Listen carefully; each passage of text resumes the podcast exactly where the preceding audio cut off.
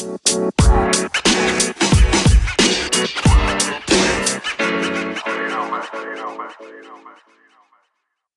everyone, and welcome back to the second episode of your Perfect Omelette podcast, the perfect podcast for you to listen on a perfect morning.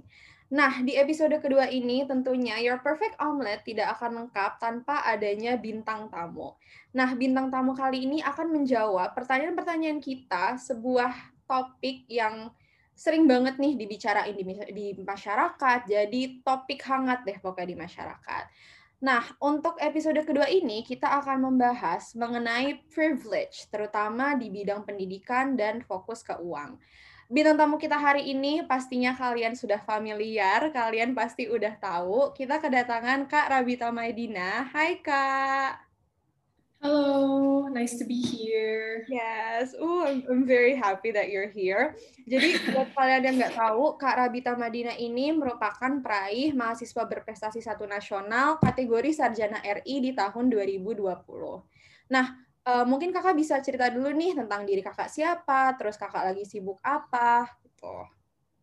Oke, okay, thank you Abigail. Hi everyone, uh, thank you for tuning in. Nama aku Rabita Madina, tapi biasa dipanggil Bita. Saat ini aku mahasiswa uh, tingkat terakhir, tepatnya semester 8 di Fakultas Hukum Universitas Gajah Mada, dan sekarang lagi fokus selesai inskripsi, nunggu jadwal sidang, and that's pretty much it. Oh, okay. We pretty sure we hope the best of luck untuk sidangnya Kak Rabita ya. Kak Amin, thank you. Nah, uh, Kak Rabita, seperti yang tadi aku udah bilang ya, kita fokusnya ini mengenai privilege. Tentunya ini merupakan topik yang kayaknya hangat terus nih uh, diperbincangkan sama orang-orang. Kayak nggak ada habisnya gitu topiknya. Nah, aku mau tanya nih uh, ke kakak. Sebenarnya seberapa jauh sih menurut kakak dan seberapa pengaruh privilege sendiri itu untuk mendapat support perkembangan dari di aspek pendidikan? Oke, okay. uh, first question, menurut aku, uh, ini aku mau sharing dua perspektif dari pengalaman pendidikan aku sendiri ya. Yang pertama adalah pendidikan di Indonesia, yang kedua adalah pendidikan di Amerika yang pernah aku rasain. Uh, kalau pertanyaannya dalam konteks di Indonesia, antara uang dan kualitas pendidikan itu seberapa pengaruh, menurut aku cukup berpengaruh ya, bahkan bisa dibilang uh, cenderung jadi konsiderasi utama, terutama bagi kita kita yang mau kuliah gitu. Banyak uh, teman-teman aku di sini yang kalau mau kuliah pasti mikirnya kalau di kampus A UKT-nya berapa? Kalau di kampus B UKT-nya berapa?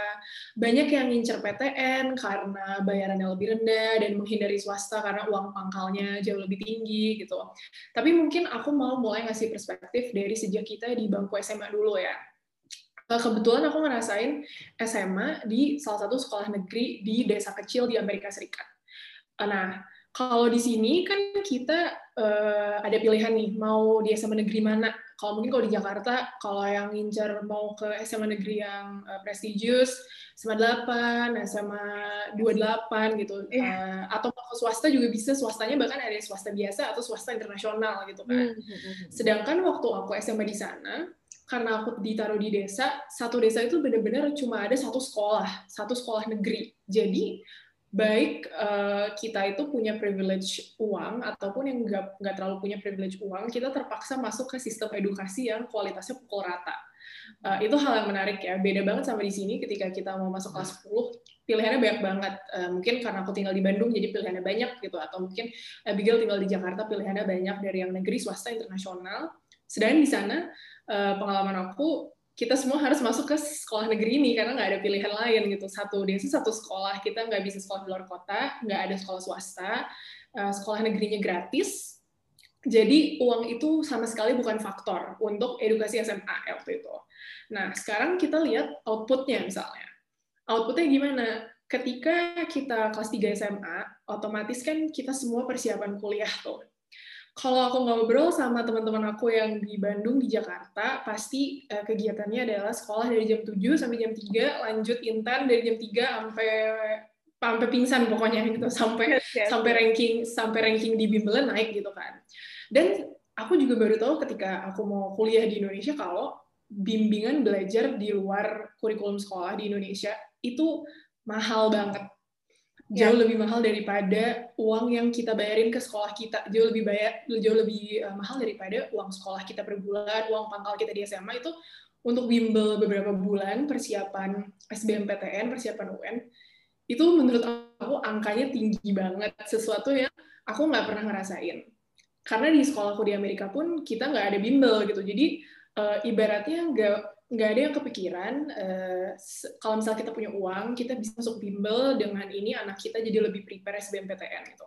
Kalau di sana uh, sekolahnya gratis, nggak ada yang nawarin bimbel, jadi benar-benar kita masuk kuliah dilihat how hard we work at school uh, how well we take classes, nilai rapot kita, uh, college application kita.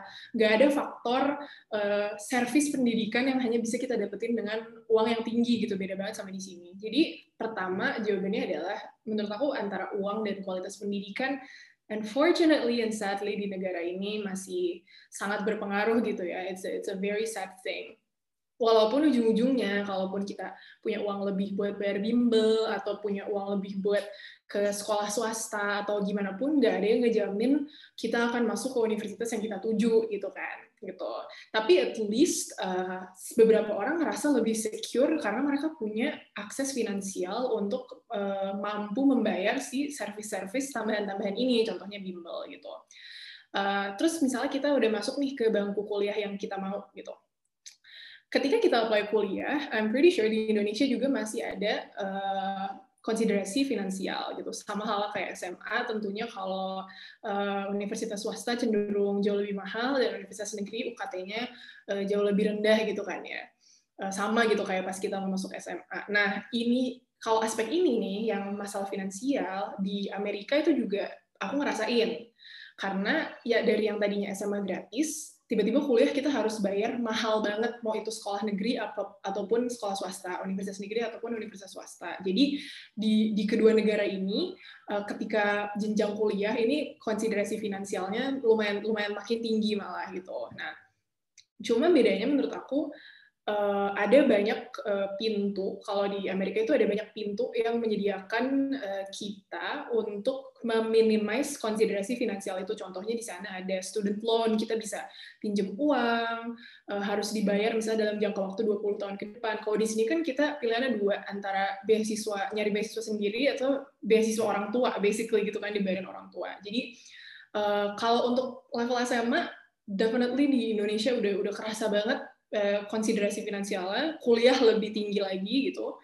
Uh, dan pengalaman aku di Amerika pun, walaupun pas SMA-nya nggak ada konsiderasi finansial, semua pukul rata, ujungnya nanti pas apply kuliah juga ada konsiderasi finansial gitu. Jadi menurut aku, uh, financial consideration, faktor privilege uang itu justru hal yang jadi prioritas pemikiran murid-murid uh, di Indonesia saat mereka mau daftar SMA dan daftar kuliah. Well, yes. Uh, aku sangat-sangat setuju dengan kata-kata Kak Bita karena emang dari pemikiran uh, dari penglihatan aku sendiri kayak teman-teman aku banyak juga teman les aku dulu aku juga inten jadi kayak uh, banyak mereka yang memperjuangkan PTN ya the main reason karena emang masalah uang aja mereka pikir kayak oke okay, PTN at least I get to save a lot a lot more money gitu dan I think uh, it's a bit sad to know karena kalau misalnya mereka nggak masuk ya they think they have no way out. Kayak ya udah berarti PTN is the only way. Yeah. And it's still a very sad um apa ya? A very sad thing to see di Indonesia di mana kayak seharusnya pemerintah bisa melihat itu jauh lebih detail lagi. Betul, betul. Yes. Dan aku baru tahu ternyata Kak Bita dari Amerika. Wow. Cuma satu tahun doang kok, cuma kelas tiga aja. Tapi jadi uh, ngerasain dua-duanya tapi aku nggak ngerasain gilanya kelas 3 di Indonesia yang harus bimbel sampai malam itu. Jadi kayak cukup bersyukur aku nge-skip proses itu. Karena di sana super laid back. Really? Terus uh, kakak gimana bisa masuk UGM nih kak? Nah, um, interestingly, uh, aku selalu punya plan untuk kuliah di Indonesia. Karena kalau misalnya fakultas hukum, ya kalau aku mau suatu hari mau praktek hukum di Indonesia, nggak harus punya gelar sarjana hukum gitu nggak bisa S1 di luar negeri terus tiba-tiba jadi jadi uh, practitioner di Indonesia uh, aku termasuk orang yang gagal SBMPTN, gagal SIMAK UI, gagal UTUL UGM gitu. Pokoknya semua uh, jalur-jalur uh, pendaftaran kuliah yang mungkin disediain nih paket bimbelnya, paket bimbel SBMPTN, paket bimbel ini. Pertama aku nggak sempet bimbelnya, kedua I think um, apa ya itu itu mahal banget untuk untuk course kayak gitu uh, jadi akhirnya aku tes dengan mindset ya udah keterima keterima enggak enggak gitu. Considering kelas 3 juga kan aku nggak belajar kurikulum yang akan diujiankan gitu kan uh, akhirnya waktu itu uh, pilihan aku adalah antara tes mandiri IUP UGM atau uh, tes beberapa universitas swasta gitu. Dan uh, I got accepted in both. Jadi waktu itu aku keterima di dua kuliah satu universitas swasta satu uh, IUP UGM there was also financial considerations into it. Uh, cuma bisa dibilang nggak nggak beda jauh ya karena uh, si univ swasta yang aku keterima ini dan IUP UGM kayak kalau aku hitung-hitung biayanya sampai lulus gitu nggak nggak beda jauh juga. Uh, at the end aku lebih milih UGM for one reason and another. Salah satunya adalah pengen ngerantau. Tapi ya yeah, that's that's basically my journey. Terus aku sering banget ditanya, kira-kira kalau waktu itu kakak bimbel bisa nggak ya lolos dan sebenarnya kalau dari aku jawabannya kayaknya mungkin nggak juga karena yes. I don't know mungkin kayak otak aku mungkin nggak sampai situ kayak nggak bisa ngerjain soal matematika dan akan masuk Exactly, exactly. Jadi benar banget. Jadi dari dari statementnya Abigail tadi yang bisa aku ambil adalah mungkin at the very least uang itu sangat berpengaruh ke service yang kita dapatkan, tapi nggak berpengaruh ke hasil yang nantinya menentukan gitu. Because at the end gitu. of the day, like you get the hold of yourself. You're in charge of yourself. Benar, benar. Yes. Okay. Benar, benar. Terus uh, kalau kita ngomongin tentang uh, pendidikan lagi ya, kan sering kali kepintaran kita sendiri itu bukan soal usaha, bukan bakat, tapi balik lagi ke privilege gitu. Kita tidak bisa uh, deny kalau misalnya hal hal itu tuh hal privilege itu tuh sangat-sangat berpengaruh. Biaya sekolah, biaya kuliah, apalagi kakak IUP itu udah bener-bener mahal. Dan uh, kadang cuma orang-orang yang memiliki uang yang bisa uh, mendapatkan pendidikan yang bagus gitu ya memadai. Kakak setuju nggak sih dengan statement itu? Benar-benar. Jadi aku setuju sama statement yang terakhir, uh, in which sayangnya di beberapa negara, termasuk di negara kita sendiri, uh, untuk mendapatkan akses pendidikan itu uang itu masih jadi uh, faktor yang sangat menentukan gitu ya. Uh, tapi kalau statement yang pertama terkait kepintaran, kalau menurut aku itu udah masuk kategori hasil dari pendidikan kita gitu. Uh, di mana aku paham kalau misalnya uh, misalnya nih ada ada yang daftar IUP UGM and we all know uh, UKT-nya nggak murah gitu misalnya ya. Aku pun mengakui UKT-nya nggak murah and it was a huge consideration gitu. Uh, mungkin banyak yang bilang uh, oh mungkin karena karena UKT-nya jauh lebih mahal jadi uh, pendidikannya jauh servisnya jauh lebih baik gitu atau pendidikannya jauh lebih baik. Tapi eventually terkait hasil dan hasil yang aku maksud ini apakah orang itu sukses atau enggak uh, pinter atau enggak dia punya soft skill atau enggak itu uh, enggak apa ya enggak bisa kita ukur dengan jumlah uang yang kita keluarin di awal sebenarnya. Karena kalau kita pikir-pikir uh, kurikulum uh, saya kita ngambil example dari UGM ya, kurikulum IUP dan uh, yang non IUP juga menurut aku kita kan sebenarnya agak sama aja ya gitu. Uh, di Visipol juga fakultas Abigail, I'm sure kayak sama aja kalau kurikulum di kelas, cuma kita ada kewajiban buat uh, keluar negeri sekali, either itu summer school atau exchange atau apa gitu. Tapi yang kita pelajarin di Jogja selama empat tahun itu sebenarnya sama aja, yang membedakan hanya bahasa yang kita pakai gitu. In which yang IUP lebih di encourage untuk pakai bahasa Inggris. Jadi uh, menurut aku yang faktor finansial itu sangat berpengaruh untuk buka pintu di awal. Tapi hasil akhirnya apa apa efek itu ke ke kita setelah kita melalui service edukasi itu menurut aku itu enggak nggak dijamin sama the money. Uh, kakak sendiri nih pengalaman kakak gitu kan. Kakak mention kayak uh, emang IUP katanya it's a bit more expensive to say the least gitu kakak bilang kalau misalnya uang itu juga berpengaruh dengan servis yang didapatkan. Nah, menurut kakak sendiri, menurut pandangan kakak sebagai orang IUP, apakah itu benar atau at least sebagai mahasiswa UGM? Um, I would say, uh, at least ini speaking on behalf of my faculty ya. Kalau dari kurikulum kan kita sebenarnya sama persis. Jadi nggak nggak menurut aku kayak kalau ke kualitas mahasiswanya itu sebenarnya the fact that kita IUP atau non IUP itu kayak nggak ngaruh ke kualitas mahasiswa karena kalau kurikulum sama. Uh, cuma mungkin uh, bagi yang pernah exchange ke luar negeri atau summer school ke luar negeri, kalau menurut aku pribadi mungkin mereka lebih dapat uh, social exposure yang lebih, tapi nggak necessarily ke uh, keunggulan kurikulum dari perspektif akademik ya, keunggulan kurikulum dari perspektif akademik. Apalagi kalau di fakultas hukum itu nggak banyak yang exchange, nggak kayak divisi pol, di mana kan kalian kan uh, banyaknya kan lebih milih exchange. Kalau di kita itu mayoritas masih summer school, jadi kayak cuma satu bulan, in which menurut aku itu lebih ke keunggulan cultural exposure aja, tapi kalau ke academic exposure, sama aja sih kayak kurikulumnya sama aja gitu kelas-kelasnya sama aja dan lain-lain gitu I have to say though sebenarnya ya uh, ada banyak banget pintu pintu-pintu kesempatan di luar sana yang ketika kita udah masuk kuliah itu udah nggak ngelihat lagi masalah privilege uang atau uh, privilege koneksi atau apa pun itu ada banyak banget pintu yang bisa bikin kualitas kita naik sebagai mahasiswa.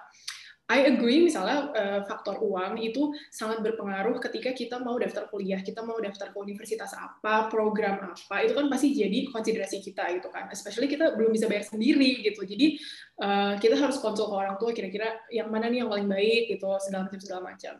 Tapi once we're actually in it, ketika misalnya kita udah masuk suatu universitas, Uh, contohnya, kalau di FUGM rata-rata, kalau misalnya kita mau lomba ke luar negeri, uh, in which uh, paling populer adalah moot court, itu kita uh, I would say 85 sampai 90 persen selalu fully sponsored. Uh, dan kita nggak ngelihat pro, uh, programnya apa, mau itu IUP atau non IUP. Bahkan banyak juga uh, program student exchange gratis yang ditawarin ke both IUP and non IUP kids. Jadi menurut aku kalau udah once we're actually in there itu sebenarnya pintu-pintu kesempatannya itu udah nggak ngelihat lagi background mahasiswa itu. Yang penting kamu punya kualitas yang untuk qualify jadi mahasiswa yang mau represent kita di aktivitas A, aktivitas B gitu. Jadi itu sebenarnya menurut aku uh, ada banyak banget pintu untuk naikin kualitas tanpa kita harus uh, mikir lagi gitu tentang financial consideration atau konsiderasi lainnya. Jadi uh, menurut aku uh, the the financial consideration itu hanya relevan ketika kita mau menentukan pintu mana yang mau kita masukin tapi terkait apakah kita akan strive ketika kita udah udah melewati pintu itu apakah kita akan sukses apakah hasil dari pendidikan ini sesuai dengan target aku di awal itu ujungnya balik lagi ke my effort uh, aktivitas aku segala macam gitu. Hmm, Oke. Okay. Nah, uh, untuk ke hal itu sendiri nih, kan banyak banget orang di luar sana dan kita sering banget dengar kalau misalnya kesuksesan itu tuh dapat berasal dari privilege-nya. Tapi uh, sebenarnya uh, kesuksesan itu juga bisa berasal dari diri sendiri. Nah, menurut pendapat kakak nih, seberapa pengaruh sih privilege itu terhadap kesuksesan seseorang? Dan apakah kesuksesan itu sendiri hanya dapat didapatkan oleh kaum yang eksklusif atau kaum yang berprivilege? Oke, okay, very interesting question. Uh, pertama, aku mau coba ngedefine dulu apa itu sukses dalam kamus aku gitu ya. A lot of people itu nggak associate uh, the successfulness of someone dengan uh, financial capacity yang mereka punya saat itu gitu ya. Sedangkan menurut aku sukses itu patokannya satu gitu is what I have right now everything that I have earned atau itu sesuatu yang diberikan dari orang lain gitu. Jadi aku sih nggak conclude diri aku sukses kalau semisalnya suatu hari nanti aku bisa financially independent, uh, punya pekerjaan yang stabil, uh, sebisa mungkin melakukan pekerjaan yang aku passionate, dan apa yang aku punya di hidup aku itu benar-benar hasil kerja keras aku sendiri. Udah bukan pemberian dari orang lain pemberian dari orang tua atau misalnya pemberian dari dari siapa pun itu gitu ya. Itu definisi sukses aku. Jadi misalnya kalau kita ngelihat nih let's say ada seseorang yang misalnya uh, datang dari keluarga yang berada gitu dan dia uh, bisa punya bisnis sendiri dan di umur 23 misalnya udah punya rumah sendiri whatever whatever dan kalau kita lihat sekilas sukses banget ini orang dari umur 23 gitu kan. Tapi kalau aku ngelihatnya sebenarnya yang dia punya hari ini itu datangnya dari mana gitu. Kalau itu bukan datang dari diri sendiri, I would say orang itu is living a stable life tapi belum apa ya belum successfully uh, bisa bisa menopang hidupnya sendiri gitu. Nah, jadi menurut aku eventually kalau misalnya kita pakai definisi sukses dari aku, menurut aku privilege itu nggak ngaruh karena seseorang yang mungkin punya uh, apa ya secara finansial itu punya keunggulan di umur sekian kalau emang itu bukan datang dari usaha diri sendiri aku belum bisa bilang kalau orang itu udah udah sukses untuk merasakan hidup gitu ya hidup hidup di mana kita kita bisa menghidupi diri sendiri lah intinya gitu. Eventually walaupun itu ada faktor walaupun menurut aku udah udah udah sedikit ya walaupun itu faktor tapi bukan faktor yang besar balik lagi ke your commitment, your hard work, your dedication. Habis lulus, uh, kira-kira apa game plan kita? Mau hidup kayak apa? Mau berkarir kayak apa? Kalau mau istirahat setelah lulus kuliah, mau berapa lama? Long term plan, how to live a stable life. Menurut aku lebih dilihat dari situ sih. Dan itu sebenarnya menurut aku beratnya itu bukan di kualitas edukasi atau peninggalan orang tua, tapi di satu hal yaitu first and foremost karakter kita gitu. Are you a dedicated person? Are you a hardworking person? Apakah kamu orang yang strategis untuk ngeplan nah, gimana caranya mau hidup nih lepas dari tanggung jawab orang tua segala macam segala macam itu. Jadi menurut aku semakin kita dewasa faktor apa ya faktor privilege itu sebenarnya bobotnya makin kecil dan makin kecil lagi kalau misalnya untuk menentukan kesuksesan karena like everyone else probably have heard of this yang apa ya yang yang dari awal punya head start lebih ujungnya akan dikalahkan dari orang yang punya head startnya jauh lebih mundur tapi kerja kerasnya dua kali lebih lebih keras daripada orang yang punya head start lebih gitu. So I still believe in that in that apa ya in that motto di mana definitely yang yang kerja keras itu bisa banget uh, mendahului yang uh, udah punya segalanya tapi pemberian orang lain okay. Wow, very interesting thought, Kak. Karena kayak uh, kayaknya aku baru mendengar perspektif baru dari segalanya gitu sih. Oke, okay, mungkin uh, this is a question yang uh, this is a statement yang aku sering banget dengar dan uh, aku pengen nanya, menurut kakak ini benar apa enggak sih? Do you agree that the statement uh, people that have privilege or privileged people have it easy atau mungkin have it easier? Do you agree with that? Mm, definitely Iya, definitely setuju. Uh, apalagi kalau privilege-nya itu dalam hal uh, finance sama parents connection. I think those kind of people itu they of course they would have it easy. They would have more opportunity. They will have more chances. Uh, as simple as misalnya kita kalau misalnya udah udah lulus nih kita semua mau cari kerja, mungkin uh, ya udah udah bukan rahasia umum to get into certain places. Ada banyak yang lebih uh, prioritize uh, connection daripada quality gitu ya. Uh, walaupun nggak menutup kemungkinan sekarang ini cenderung the, the connection atau financial privilege that you have itu cuma akan ngebawa seseorang sejauh masuk ke suatu tempat kerja, tapi nggak ngejamin uh, survival mereka di tempat kerja itu. Jadi eventually yang kualitasnya lebih tinggi itu akan mengalahkan yang masuk ke sana sekedar hanya karena koneksi, tapi mereka sebenarnya nggak bisa survive. Nah, yang menurut aku menarik juga sebenarnya zaman sekarang itu punya koneksi sebenarnya kalau kalau menurut aku itu bukan hal yang tabu ya, bukan hal yang tabu. Uh, aku sering banget dengar orang ngomong ih dia tuh masuk situ gara-gara koneksi orang tuanya tahu, ih dia tuh masuk situ karena dia waktu itu selama kuliah dia uh, deket banget sama si kakak tingkat ini, jadi pas kakak tingkat ini udah masuk sini dia juga gampang masuk sini gitu.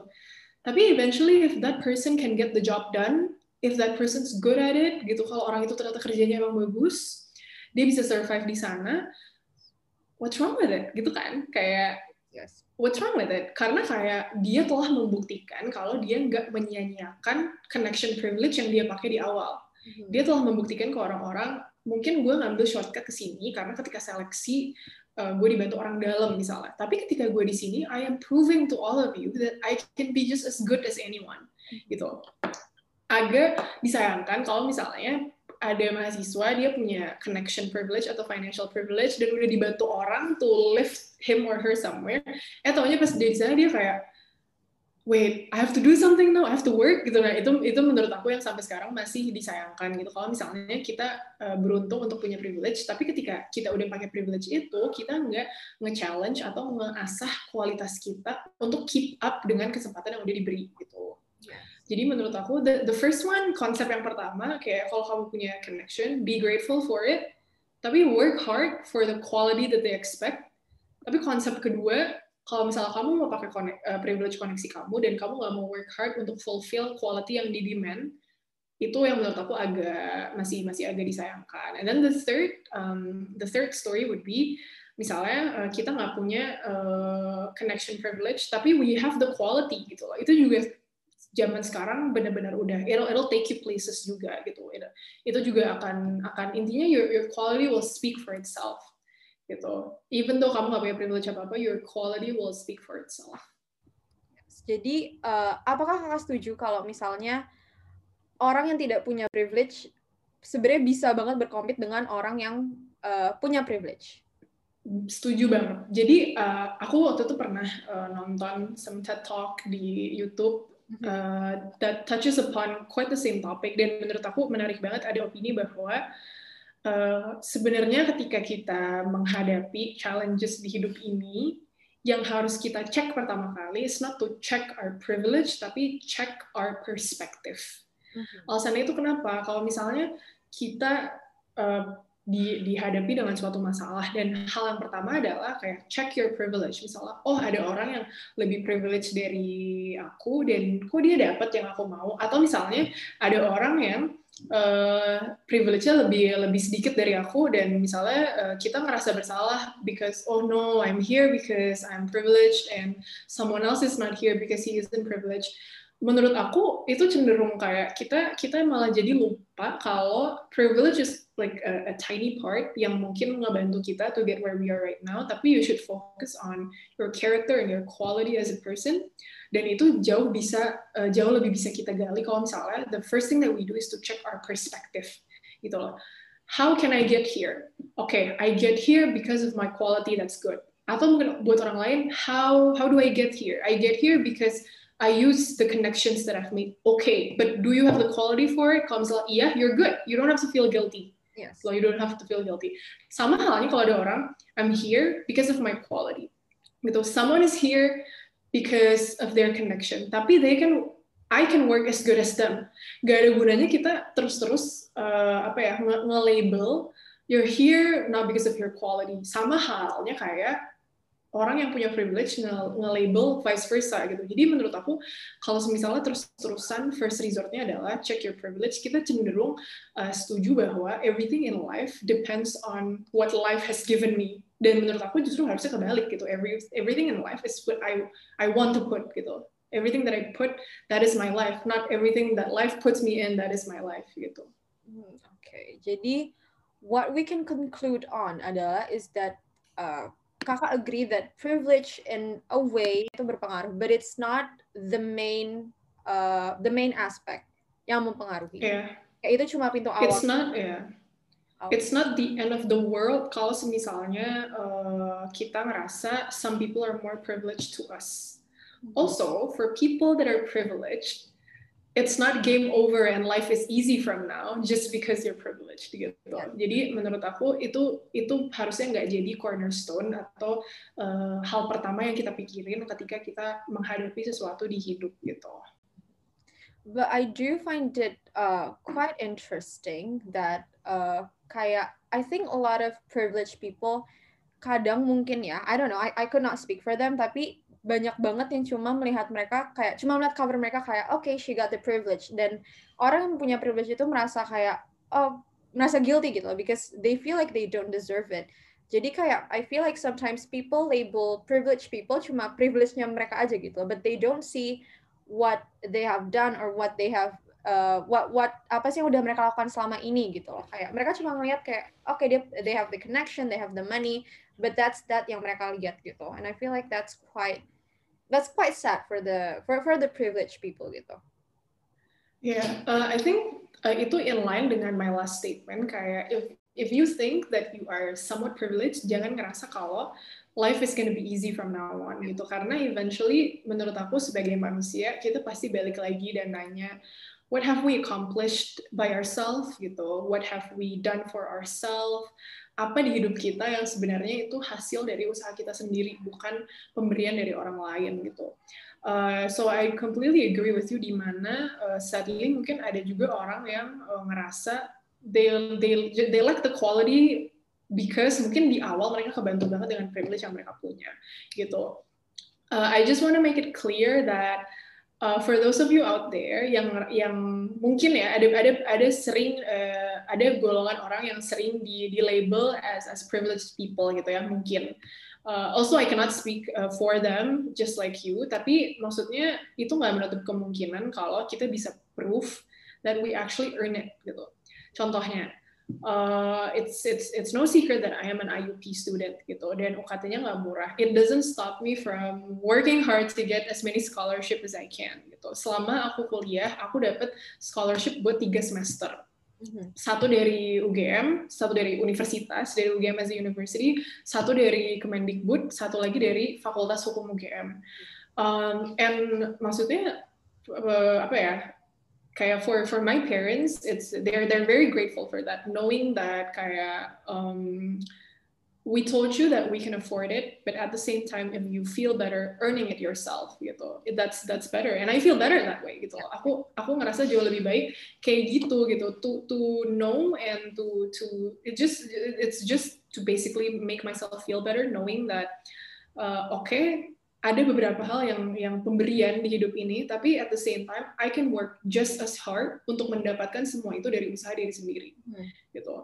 So I think that's also like a, a good mindset to keep kalau uh, kita ngerasa what we have right now itu kayak belum belum satisfying karena we don't earn it, gitu. There's a lot of ways where you can earn what you have, gitu. As simple as misalnya work your heart off to get a scholarship, stuff like that. Jadi eh, nggak uh, menutup kemungkinan kalau ada cara-cara juga supaya what we have right now itu sebenarnya we can keep it, tapi sumbernya beda. Kayak contohnya my IUP education gitu. Ya semua orang pasti kalau mereka uh, kuliah itu education is something that their parents kind of uh, sponsored to them gitu kan. Kecuali emang dapat beasiswa dari awal. Dan di Indonesia ini menurut aku beasiswa sedikit banget ya uh, persentasenya yang bisa dapat beasiswa dibanding jumlah mahasiswa yang ada di fakultas itu gitu. So I I started college as something that is sponsored by my parents gitu. It's a facility that I have dari awal gitu. Tapi I get to keep that facility. Cuma sumber sponsornya beda aja. Now I don't have to like uh, make my parents pay for it. Tapi kayak sumber sponsornya adalah from external parties that is willing to give me scholarships mm-hmm. for things that I've worked for. Jadi bisa banget kita nggak keep apa yang kita punya, cuma kita ganti aja sumbernya dari yang tadinya dikasih orang lain, tapi sekarang kayak you work for it and it makes you feel much better. Nah di sini menurut aku yang ngebuktiin kalau uh, say that bahkan ada ada pihak yang bisa memberi sesuatu ke kamu, let's say orang tua kita bisa ngasih sesuatu ke kita, tapi you have the choice to to earn it gitu loh ya kita punya pilihan to work for it to earn it instead of taking what it what is given at least that uh, that kind of proves kalau hard work plays a much bigger role than the privilege that you have when you start. Hmm. Nah, uh, kak tadi kan aku dengar kakak kayak kakak dapat beasiswa gitu kan langsung dari tiga pihak per tiga semester kayak that's wow that that's like such a huge milestone. Tapi aku sering banget denger atau aku sering banget lihat kayak orang-orang ngomong kayak if you have the money then you have no rights untuk menerima scholarship atau menerima uang. Nah, tanggapan kakak sendiri gimana sebagai penerima beasiswa gitu? Um, I think kalau misalnya uh, sebenarnya aku juga pernah dengar hal yang sama dari my own parents gitu ya. Um, they always said kayak uh, sebisa mungkin kalau misalnya kita mampu, kita jangan ngambil jatah orang lain gitu. Yeah. Kita jangan ngambil jatah orang lain. Nah, aku pun waktu itu ketika milih-milih beasiswa itu uh, aku nggak yang kayak apply terus uh, bersaing dengan orang-orang uh, yang misalnya rata-rata uh, di application beasiswa itu kan cenderung minta slip gaji penghasilan orang tua uh, per bulan gitu kan. The scholarships that I aimed itu yang uh, scholarship yang uh, digaranti di akhir kalau misalnya kita uh, punya uh, certain achievements. Jadi itu bukan uh, scholarship yang kita apply misalnya di awal semester gitu terus nanti ada ada approval tapi ya lebih ke hadiah dari suatu aktivitas yang aku lakuin. Contohnya uh, tiga kebetulan these three scholarships itu hadiah mapres jadi untuk yang untuk yang scholarship pertama dari Universitas Gajah Mada itu uh, hadiah mapres tingkat uh, universitas. Udah gitu the second scholarship yang dari UGM itu hadiah uh, jadi mapres nasional. Dan the third scholarship yang dari Kemendikbud itu hadiah dari Mapres Nasional juga, cuma di semester berikutnya gitu. Jadi uh, ketika jadi Mapres Nas itu dapat scholarshipnya dua kali, satu dari FHUGM, satu lagi dari uh, Kemendikbud. Nah, Uh, jadi it's it's uh, mereka itu tipe-tipe scholarship yang merupakan award untuk uh, aktivitas tertentu, not scholarship uh, bagi orang-orang yang emang apply uh, financial waiver gitu ya. Jadi intinya di saat itu siapa pun yang menang lomba itu mereka lah akan jadi orang yang dapat scholarship despite your financial background gitu. Um, I would say sebenarnya setuju banget kalau misalnya ada orang yang uh, punya uh, pemikiran logis sebisa mungkin if you can afford it janganlah uh, ngambil jatah orang lain yang lebih butuh gitu. Tapi uh, I think in my case kalau opportunity-nya itu emang opportunity yang pukul rata misalnya yang oke okay, we offer scholarship as a winning prize dan bahkan yang apply pun uh, apa namanya uh, yang apply pun kita nggak lihat financial background dari orang-orang yang apply. Ini benar-benar scholarship based on achievements, based on your academic performance gitu. Uh, aku ngelihat nggak ada salahnya sih, karena either way uh, di, di kesempatan kayak gitu kita nggak ngambil jatah orang lain gitu, karena emang bukan di, di designate sebagai scholarship untuk uh, mereka yang apply untuk uh, financial waiver gitu. Uh, so I think there's a lot of opportunity di mana I want to make it clear that everyone deserves opportunity. Baik itu yang privilege ataupun enggak, everyone deserves opportunity. Tapi kita juga harus paham uh, skalanya. Opportunity A itu siapa yang lebih butuh, opportunity B apakah kita sikut kesempatan orang lain yang lebih butuh atau enggak. So you also have to be proportional dalam nge-assess kira-kira kalau misalnya saya yang dapat pengalaman ini uh, apakah ada orang lain yang yang akan lebih diuntungkan if they were to have it gitu. Nah, kalau misalnya itu baru mungkin uh, mikir lagi gitu ya. Uh, I personally kalau dari aku sendiri as much as uh, bayar UKT UGM is not cheap, I also don't encourage people yang emang uh, misalnya mampu atau nggak terlalu punya financial consideration to pay for RUKT to apply for scholarships yang emang untuk anak-anak yang apply financial waiver gitu. Ada banyak banget jalur-jalur scholarship yang nggak lihat dari financial background dan itulah menurut aku kesempatan yang bisa kamu lirik gitu. Jangan itulah yang yang dimaksud orang uh, kalau bisa jangan ambil jatah orang lain karena emang ada yang lebih butuh misalnya di uh, scholarship tipe A gitu. Tapi ada juga banyak yang uh, mereka itu konsiderasinya bukan financial background, tapi misalnya achievements atau uh, kamu menang lomba apa, terus itu sepaket sama hadiah lomba kamu. I don't see anything wrong with that. Jadi what I'm saying is opportunities itu ada banyak. Uh, kita bisa pilih-pilih mana yang kira-kira paling beneficial buat kita, mana yang nggak ngambil rezeki orang lain. Jadi it's it's basically a win-win solution I think gitu. Wow, oke. Okay. Wow, thank you so much, Kak. Jadi aku jadi dapat banget insight. Nah, mungkin uh, untuk Kakak ada nggak kayak kata-kata penutup atau closing statement untuk para listeners yang lagi denger nih? Mungkin encouragement atau gimana?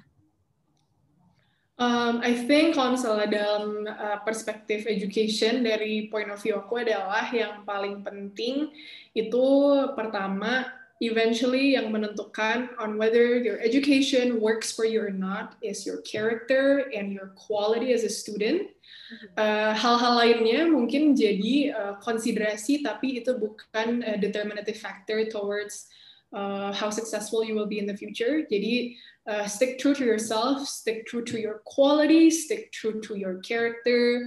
Uh, dan yang paling penting adalah jangan lihat kanan kiri because this is your world ini kalian yang nyetir, ini kalian yang nentuin hidupnya mau ke mana. So the people yang ada di kanan kiri kalian, they're basically irrelevant. That's how I survive at least by looking kanan kiri aku mau mereka lebih dulu, lebih lambat, lebih sukses atau pokoknya wherever they are in life, it's my life gitu loh. I I decide what I want to do. I decide my pace, my quality, and I don't think anyone itu bisa mempengaruhi itu. Aku dapat quote ini dari Kak Jana. Kak Jana itu pemenang Mapresnas 2019 One Year Before Me. He basically said, sebagai mahasiswa itu ada baiknya kita uh, jadi orang yang uh, emotionally incapable of feeling things. In a sense that bukan kayak kita jadi orang dingin atau gimana, tapi kita harus ngerti kadang jauh lebih sehat untuk mental kita kalau kita uh, nggak baperan. In terms of lihat kanan kiri menang lomba, lihat ini menang apa gitu, lihat dia IPK-nya lebih tinggi, lihat dia lulus lebih cepat, atau misalnya pengalaman kita sendiri uh, kalah lomba, IPK di bawah uh, perkiraan, lulusnya ngaret gitu. Menurut aku ada baiknya kita agak sedikit emotionless karena kenapa gitu? Itu bisa nggak distract pikiran kita to actually do our plan gitu. So I would say uh, selama mahasiswa jangan terlalu baper sama perjalanan akademik kita karena it's just something to enjoy. So stick true to your character, stick true to your quality. Sisanya menurut aku they don't live in your world. It's it's just, it's just you gitu loh. So like you you decide. Wow, that's that's some really amazing words. Aku tertampar banget siap lagi kata-kata jangan lihat kanan kiri cause like I feel yeah. a lot of us do it gitu loh kayak yeah. kita compare ourselves to others like wow that that really opened my eyes sih Okay, yeah, I actually get ada misalnya kalau misalnya aku lagi webinar atau apa pun, mm-hmm. I actually get a lot of questions yang kayak uh, kak atau bib, I want to follow what you do. So can you tell me exactly what you do selama kuliah? Terus my advice adalah I'm never gonna tell you what I do. You know why? Because I don't want you to be me. I want you to be you. Gitu loh. You find your own way. You find your own method. Gitu. Mungkin metode aku nggak cocok sama kamu atau nggak bisa di-apply. Tapi justru kesalahan nomor satu adalah kalau kita terlalu ngelirik ke seseorang dan kita ngira itu yang yang I want to be that person atau kayak I want to live exactly the life that you have. Padahal sebenarnya patokannya adalah kayak you you have to find your own way of living, something that works for you. Kalau kamu lihat kanan kiri, your own pace itu menurut aku penting banget ketika kita kuliah ya. Find your own pace. Jadi uh, kita nggak pernah ngebandingin diri kita sama satu sama lain. So I always said, wait, kalau misalnya kamu nanya kayak gini, karena kamu mau ngebandingin kehidupan kuliah aku sama kehidupan kuliah aku, trust me, no matter how hard you work, you will never be someone else eventually you'll always be you gitu and you have to happy you have to be happy by being you gitu you have to find a way to be satisfied with you and what you have and what you do and not follow or look around at what other people do. Kayak itu menurut aku justru yang bikin aku survive dan masih apa ya masih waras gitu selama kuliah gitu cause I I don't really kayak look kanan kiri atau kayak see what other people are doing. Wow. Okay thank you so much Karawita those are mm -hmm keren banget intinya. Aku denger cerita kakak dari tadi your experience your thoughts those are some really beautiful things. And I hope that the listeners at home juga bisa merasakan hal sama kayak aku. Mm-hmm. terima kasih Karabita sekali lagi udah mau datang ke podcast ini for the second thank episode. you Isaac and Abigail. Yes, thank you so much. And I hope uh, that all of you listeners have an amazing day ahead And once again, thank you so much Karabita. I hope you succeed dalam sidangnya, cepet-cepet dapat sidangnya. Amin. Thank you. And yes. And for the listeners, I will see you on the third episode. Goodbye.